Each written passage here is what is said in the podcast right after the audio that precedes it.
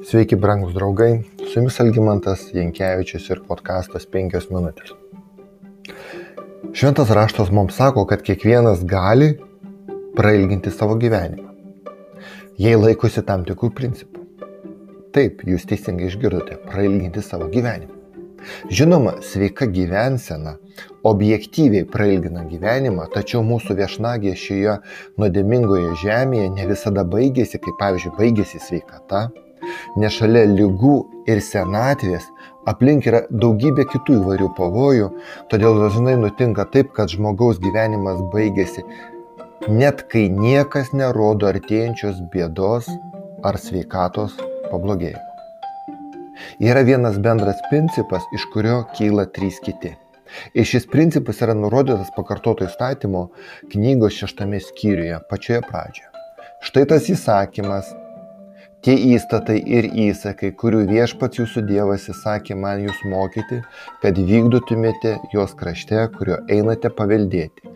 Įdant tu, tavo vaikai ir vaikų vaikai pagarbiai bijotų viešpatį savo Dievo visas dienas ir laikytųsi visų jo įstatų ir įsakymų, kuriuos to visakau ir ilgai išsilaikytumai. Dievo baimė yra pagrindinė ilgamžiškumo paslaptis.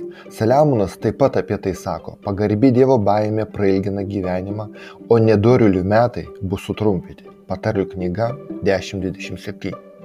Kitur kalbėdamas apie išmintį, kurios šaltinis yra Dievo baimė, jis sako, pagarbi viešpaties baimė išminties pradžia, o šventojo pažinimos protas taip per mane tavo dienos bus padaugintos ir metų metai prie tavo gyvenimo pridėti.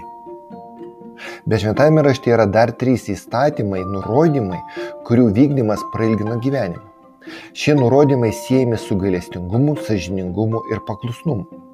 Gailestingumas siejamas su nurodymu, kuris iš pirmo žvilgsnio gali atrodyti nereikšmingas. Pakartoto įstatymo 22 skyriuje parašyta, jei einant keliu pasitaikytų užtikti paukščio lizdą. Bet kur medyje ar ant žemės, su jaunikliais ar kiaušiniais, su tupinčia motina ant jauniklių ar kiaušinių, motinos draugės su jaunikliais nepaimsi. Leis motinai nuskristi ir pasimk tik jauniklius, įdant tau gerai sektųsi ir ilgai gyventumė.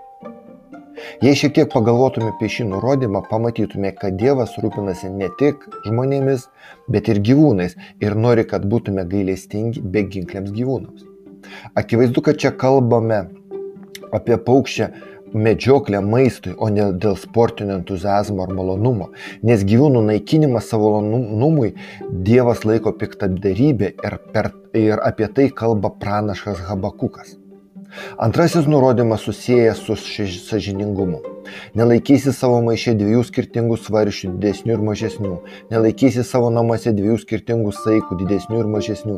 Turėsi tik pilną ir teisingą svarstį, turėsi tik pilną ir teisingą saiką, kad ilgai gyventumėj žemėje, kurie viešpats tavo dėdas tau duoda.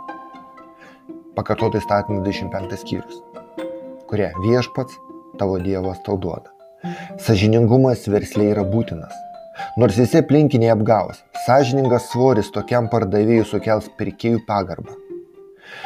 Iš teksto matyti, kad 8 amžiuje prieš mūsų erą Izraelyje apgaulė prekyboje buvo įprasta. Jie sumažindavo mat, matą, padidindavo šekelio kainą ir apgaudavo netinkamų svorių. Ir būtent Amoso knygoje būtent tas 8 amžius yra aprašytas. Ir visa tai sužadino Dievo rūstybę. Kaip dar gyvenimas galėtų pailgėti? Paulius kalba apie įsakymą su pažadu. Gerb savo tėvą ir motiną, tai pirmasis įsakymas su pažadu, kad tau gerai sektųsi ir ilgai gyventumė žemėje. Ir jūs, tėvai, neerzinkite savo vaikų, bet auklėkite juos, drausmindami ir mokydami viešpaties vardu. Laiškas Efeziečiams šeštas skyrius.